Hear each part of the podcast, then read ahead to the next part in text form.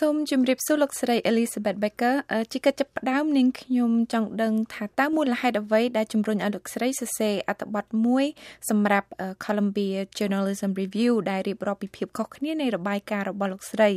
និងរបាយការណ៍របស់លោក Richard Dutman ក្រោយពេលដែលអ្នកទាំងពីរបានទៅទស្សនកិច្ចនៅប្រទេសកម្ពុជានៅក្រោមរបបខ្មែរក្រហមកាលពីឆ្នាំ1978នោះចា៎ because it was an unusual circumstance where you had two reporters វាជាស្ថានភាពចម្លែកមួយដែលមានអ្នកសារព័ត៌មានពីររូបមានទស្សនៈខ្វែងគ្នាអំពីបញ្ហាសំខាន់មួយ គឺបញ្ហាអំពើប្រល័យពូជសាសន៍ពីព្រោះថាអ្នកទាំងពីរអ្នកនោះបានឃើញទស្សនវិជ្ជាដូចគ្នា និងបានសម្ភាសមនុស្សដូចគ្នាប៉ុន្តែនេះជារឿងយូរមកហើយអ្វីដែលមានសារៈសំខាន់ខ្លាំងនៃអត្ថបទរបស់ខ្ញុំសម្រាប់ Columbia Journalism Review គឺថា40ឆ្នាំក្រោយមកការខ្វែងគំនិតគ្នានោះនឹងត្រូវបានគេយកទៅពិភាក្សានៅក្នុងតុលាការខ្មែរក្រហមហើយអ្នកកសែតម្នាក់បានទទួលស្គាល់ថាគាត់ខុសវាស្ទើរតែជារឿងធម្មតាសម្រាប់អ្នកកសែតទៅហើយដែលយល់ឃើញចំពោះស្ថានភាពពិបាកដូចនេះដើម្បីអាចរៀនសូត្រពីរបៀបដែលអ្នកយកព័ត៌មានរាយការណ៍លើប្រធានបទពិបាកពិបាកដូចនេះចាចំណងជើងនៅលើអត្ថ បទដែលចុះផ្សាយសម្រាប់ Columbia Journalism Review នឹងលោកស្រី បានដាក់ថាអ្នកកសែតពីរនាក់កិច្ចផុតពីសេចក្តីស្លាប់ប៉ុន្តែចាក់ចេញពីប្រទេសកម្ពុជាជាមួយនឹងរឿងរ៉ាវខុសគ្នាហើយប្រវត្តិសាស្ត្របានបង្ហាញថាអ្នកកសែតម្នាក់បាននិយាយត្រូវតើអ្វីទៅជាសាររបស់លោកស្រីនោះចា៎ I wrote the article because I think journalists today often have similar, if not so dramatic, situations.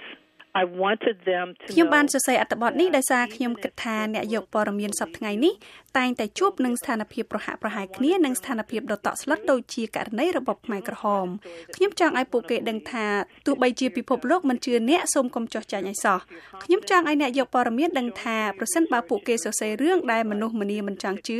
ពួកគេត្រូវតែបន្តធ្វើតទៅទៀតប្រសិនបើអ្នកជឿជាក់លើការស្រាវជ្រាវនិងរបាយការណ៍អ្នកដែលអាចបង្ហាញបានថាអ្នកយល់ត្រូវនោះអ្នកត្រូវតែធ្វើបន្តទៅទៀតយើងត្រូវតែបន្តធ្វើវាតទៅទៀតបើទោះបីជាពិភពលោកមិនជឿយើងក៏ដោយហើយរឿងនេះបានកើតឡើងចំពោះខ្ញុំវាមិនអីទេសំណាងល្អក្នុងករណីខ្ញុំប្រវត្តិសាស្ត្របានបញ្ជាក់ថាខ្ញុំនិយាយត្រូវ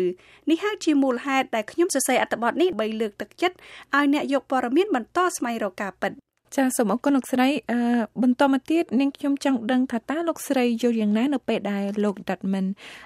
បានទទួលស្គាល់ថារបាយការណ៍របស់គាត់បន្ទាប់ពីបានធ្វើទស្សនកិច្ចនៅប្រទេសកម្ពុជាកាលពីឆ្នាំ1978នោះជារឿងវិជ្ជមានជ្រុលហើយ ជារឿងដែលមិនបានវិភាគបានល្អិតល្អន់នៅក្នុងពេលដែលលោកបានធ្វើសក្ខីកម្មតាមប្រព័ន្ធអ៊ីនធឺណិតនៅចំពោះមុខតុលាការខ្មែរក្រហម It was interesting because I watched it, you know, I was already back in the United States and I watched it on my computer. វាជារឿងគួរឲ្យចាប់អារម្មណ៍ខ្ញុំបានត្រឡប់មកសហរដ្ឋអាមេរិករួចទៅហើយខ្ញុំមើលការធ្វើសក្ខីកម្មនោះតាមកុំព្យូទ័រវាជាការផ្សាយបន្តផ្ទាល់ដោយសារតែរឿងនេះធ្វើឡើងប្រហែលខែបន្ទាប់ពីពេលដែលខ្ញុំបានផ្ដល់សក្ខីកម្មរួចក្រុមមេធាវីការពារជនជាប់ចាត់គិតថាលោក Dutman អាចវាយប្រហារខ្ញុំបានមេធាវីការពារក្តីព្យាយាមប្រើប្រាស់លោក Dutman ដើម្បីឲ្យគេយល់ថាខ្ញុំខុស ដំបូងគាត់និយាយថាគាត់នៅតែរក្សាជំហរលើរបាយការណ៍របស់គាត់ដែលនិយាយពីរបបខ្មែរក្រហមដោយសារនោះជាអ្វីដែលគាត់ជឿជាក់នៅពេលនោះក្រោយមកនៅក្នុងសក្ខីកម្មរបស់លោកលោកនិយាយថាលោកបានអានឯកសារផ្សេងផ្សេងទៀតហើយថាលោកទើបតែដឹងថាមានអំពើប្រល័យពូជសាសន៍ក្រោមការដឹកនាំរបស់ប៉ុលពតនិងខ្មែរក្រហមមែនហើយខ្ញុំក៏យល់ថា អូទី1គាត់ជាមនុស្សស្មោះត្រង់ហើយទី2វាធ្វើឲ្យខ្ញុំអន់ចិត្តដែលគាត់ចំណាយពេលយូរពេកក្នុងការទទួលស្គាល់រឿងនេះដោយសារតែរបាយការណ៍របស់គាត់មានសារៈសំខាន់ណាស់ហើយមនុស្សម្នាជឿគាត់ច្រើនវាអាចល្អជាងនេះប្រសិនបើគាត់ធ្វើការសន្និដ្ឋានបែបនេះឲ្យបានលឿនជាងនេះហើយអះអាងយ៉ាងដូចនេះតាំងពីយូរមកពីព្រោះគាត់ជឿជាក់លើរបាយការណ៍របស់គាត់យ៉ាងហោចណាស់ដល់ទៅទសវត្សរ៍ឆ្នាំ1990 ចាមនុស្សម្នាជាច្រើនរួមទាំងលោកដាត់មិនហ្នឹងមានចម្ងល់ទៅលើភាព ដែលអាចជឿទុកចិត្តបានទៅលើរបាយការណ៍របស់លោកស្រី ដែលព្យាយាមអះអាងថាមានអំពើប្រល័យពូជសាសន៍នៅក្នុងសម័យខ្មែរក្រហមនៅក្នុងអំឡុងពេលនៅបន្ទាប់ពីការធ្វើដំណើរទស្សនកិច្ចរបស់លោកស្រីនៅក្នុងប្រទេសកម្ពុជាកាលពីឆ្នាំ1978នាងខ្ញុំចង់ដឹងថាតើពេលណាហើយដោយរបៀបណាដែលមនុស្សម្នាចាប់ផ្ដើមផ្លាស់ប្ដូរការយល់ឃើញរបស់ពួកគេមកលើរបបខ្មែរក្រហមនិងប៉ុលពត The first major major big change was when the Vietnamese overthrew ការផ្លាស់ប្ដូរដ៏ធំបំផុតគឺនៅពេលដែលវៀតណាមវាយប្រហារខ្មែរក្រហមនៅក្នុងឆ្នាំ1979ហើយម្ដងបន្តិចម្ដងបន្តិចប្រទេសនេះបានបើកទូលាយសម្រាប់អ្នកយកព័ត៌មាននិងអ្នកស្រាវជ្រាវអញ្ចឹងយើងអាចទៅកន្លែងដូចជាមន្ទីរឃុំឃាំងទួលស្លែងដើម្បីស្វែងរកឯកសារនេះគឺជាដំណាក់កាលដ៏មានសារៈសំខាន់ណាស់ដែលភ្លាមភ្លាមនោះយើងមានឯកសារនិងបញ្ជាក់ថាការពិតរបបខ្មែរក្រហមពិតជាបានប្រព្រឹត្តអំពើអាក្រក់ខ្លាំងណាស់ប៉ុន្តែស្របពេលជាមួយគ្នានោះសហរដ្ឋអាមេរិកអឺរ៉ុបនិងប្រទេសជាច្រើននៅអាស៊ីអាគ្នេយ៍មិនចង់ឲ្យវៀតណាមក្តាប់ក្តាប់កម្ពុជាឡើយអញ្ចឹងពួកគេមិនចង់ពិភាក្សាពីបញ្ហានេះទេអញ្ចឹងហើយមានតែអ្នកយកព័ត៌មាននិងអ្នកនិពន្ធទេដែលបានប្រើប្រាស់ការស្រាវជ្រាវដើម្បីសរសេរសិភៅនានាដូចជារូបខ្ញុំអញ្ចឹងខ្ញុំបានសរសេរសិភៅដែលមានចំណងជើងថានៅពេលសង្គ្រាមបានបញ្ចប់នៅពេលជាមួយគ្នានោះក៏មានឆន្ទៈនយោបាយដែលប្រឆាំងនឹងវៀតណាមហើយពួកគេមិនចង់ពិភាក្សាពីរឿងខ្មែរក្រហមទេ ចានៅក្នុងអត្ថបទនេះទៀតសោតលោកស្រីបានលើកឡើងថាលោកស្រីបានអានអត្ថបទរបស់ជនភៀសខ្លួនដែលបានរៀបរាប់ពីរឿងរ៉ាវដែលពួកគេបានឆ្លងកាត់ ពីរបបខ្មែរក្រហមដូចជាការធ្វើការដោយបង្ខិតបង្ខំការអត់ឃ្លាននិងការសម្លាប់រង្គាលជាដើមមុនពេលដែលលោកស្រីទៅកាន់ប្រទេសកម្ពុជានៅឆ្នាំ1978បើសិនជាលោកស្រីមិនបានអានរបាយការណ៍ទាំងនោះតើលោកស្រីគិតថាលោកស្រីនឹងធ្វើការអង្កេតលើអក្រិតកម្មប្រល័យពូជសាសន៍ដែលអាចកើតមានឡើងនៅក្នុងដំណើរទស្សនកិច្ចរបស់លោកស្រីជាមួយពលពតដែរឬទេ Okay, well, first of all, when I lived there, it was during the war. Okay so there, this is pre-refugees and ដំបូងខ្ញុំបានរស់នៅប្រទេសកម្ពុជាក្នុងអំឡុងពេលមានសង្គ្រាមរយៈពេល2ឆ្នាំមុនពេលមានរបាយការណ៍ជនភៀសខ្លួនទៅទៀតក្នុងអំឡុងពេលសង្គ្រាមខ្ញុំបានឃើញហេតុការណ៍ជាច្រើនបានផ្លាស់ប្ដូរនៅកម្ពុជាហើយនេះមានសារៈសំខាន់ណាស់ដោយសារតែខ្ញុំបានស្វែងយល់ដឹងពីប្រទេសកម្ពុជាជីវិតរបស់ប្រជាពលរដ្ឋខ្មែរវប្បធម៌ខ្មែរហើយខ្ញុំដឹងថាសង្គ្រាមកំពុងកើតឡើងនៅក្នុងប្រទេសនេះនេះជារឿងដាច់ដោយឡែកពីគ្នារបាយការណ៍ស្ដីពីជនភៀសខ្លួនមាននៅក្រោយពេលសង្គ្រាមចាប់នៅពេលដែលខ្ញុំត្រឡប់ទៅរដ្ឋធានី Washington វិញហើយមានរបាយការណ៍ច្រើនណាស់មិនមែនមានតែមួយទេ មានរឿងជាច្រើនហើយសហការីដែលធ្វើការងារកាសែតជាច្រើនជាមួយខ្ញុំបានសរសេរពីអ្វីដែលជនភៀសខ្លួនបានឆ្លងកាត់របបខ្មែរក្រហមបញ្ហាគឺថាมันមានមនុស្សច្រើនទេដែលអាចរត់គេចខ្លួនបានអ្នកយកព័ត៌មានមិនដឹងថាត្រូវរំពឹងលើអ្វីនោះទេ ពួកគេមិនដឹងថា តើនេះជាការពិតឬជាការបំភ្លើសហើយមានជនភៀសខ្លួនតិចណាស់ដែលអាចនិយាយពីរឿងរ៉ាវទាំងអស់នេះ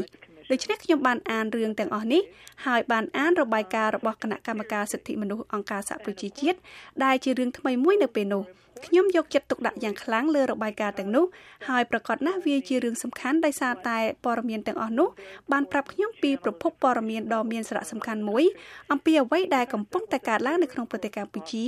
ដោយសារតែនៅពេលនោះរដ្ឋាភិបាលកម្ពុជាបានបិទចិត្តរបបខ្មែរក្រហមនេះបិទចិត្តជាងរដ្ឋាភិបាលកូរ៉េខាងជើងនាពេលបច្ចុប្បន្ននេះទៅទៀតខ្ញុំលំបាកខ្លាំងមែនទែនក្នុងការស្វែងយល់ដឹងថាមានអ្វីកំពុងកើតឡើងនៅកម្ពុជាប្រទេសនេះមិនមានទំនាក់ទំនងជាមួយនឹងពិភពលោកខាងក្រៅនោះទេក្រៅពីរដ្ឋាភិបាលរបស់ខ្លួនมันមានការឆ្លើយឆ្លងតាមសម្បត្តិហើយការឆ្លើយឆ្លងតាមទូរស័ព្ទឬអ៊ីនធឺណិតឬអ៊ីមែលក៏មិនមានតែម្ដងយើងមិនមានវិធីដើម្បីតាក់ទងជាមួយមនុស្សទូទៅទេវិធីមួយដែលយើងអាចតាក់ទងមនុស្សណាម្នាក់បាន គឺតាមរយៈការបញ្ជូនសារទៅរដ្ឋាភិបាល មានតែអញ្ចឹងឯងដូច្នេះវាពិតជាបិទចិត្តខ្លាំងណាស់มันមានយន្តហោះពីកន្លែងណាហោះទៅកម្ពុជាក្រៅពីយន្តហោះមកពីប៉េកាំងហើយពេលខ្លះមកពីវៀតណាមហើយនៅពេលជិតចាប់សង្គ្រាមគឺមានតែយន្តហោះមកពីប៉េកាំងតែប៉ុណ្ណោះប្រទេសកម្ពុជាត្រូវបានបិទចិត្តដែលមិនគួរឲ្យជឿ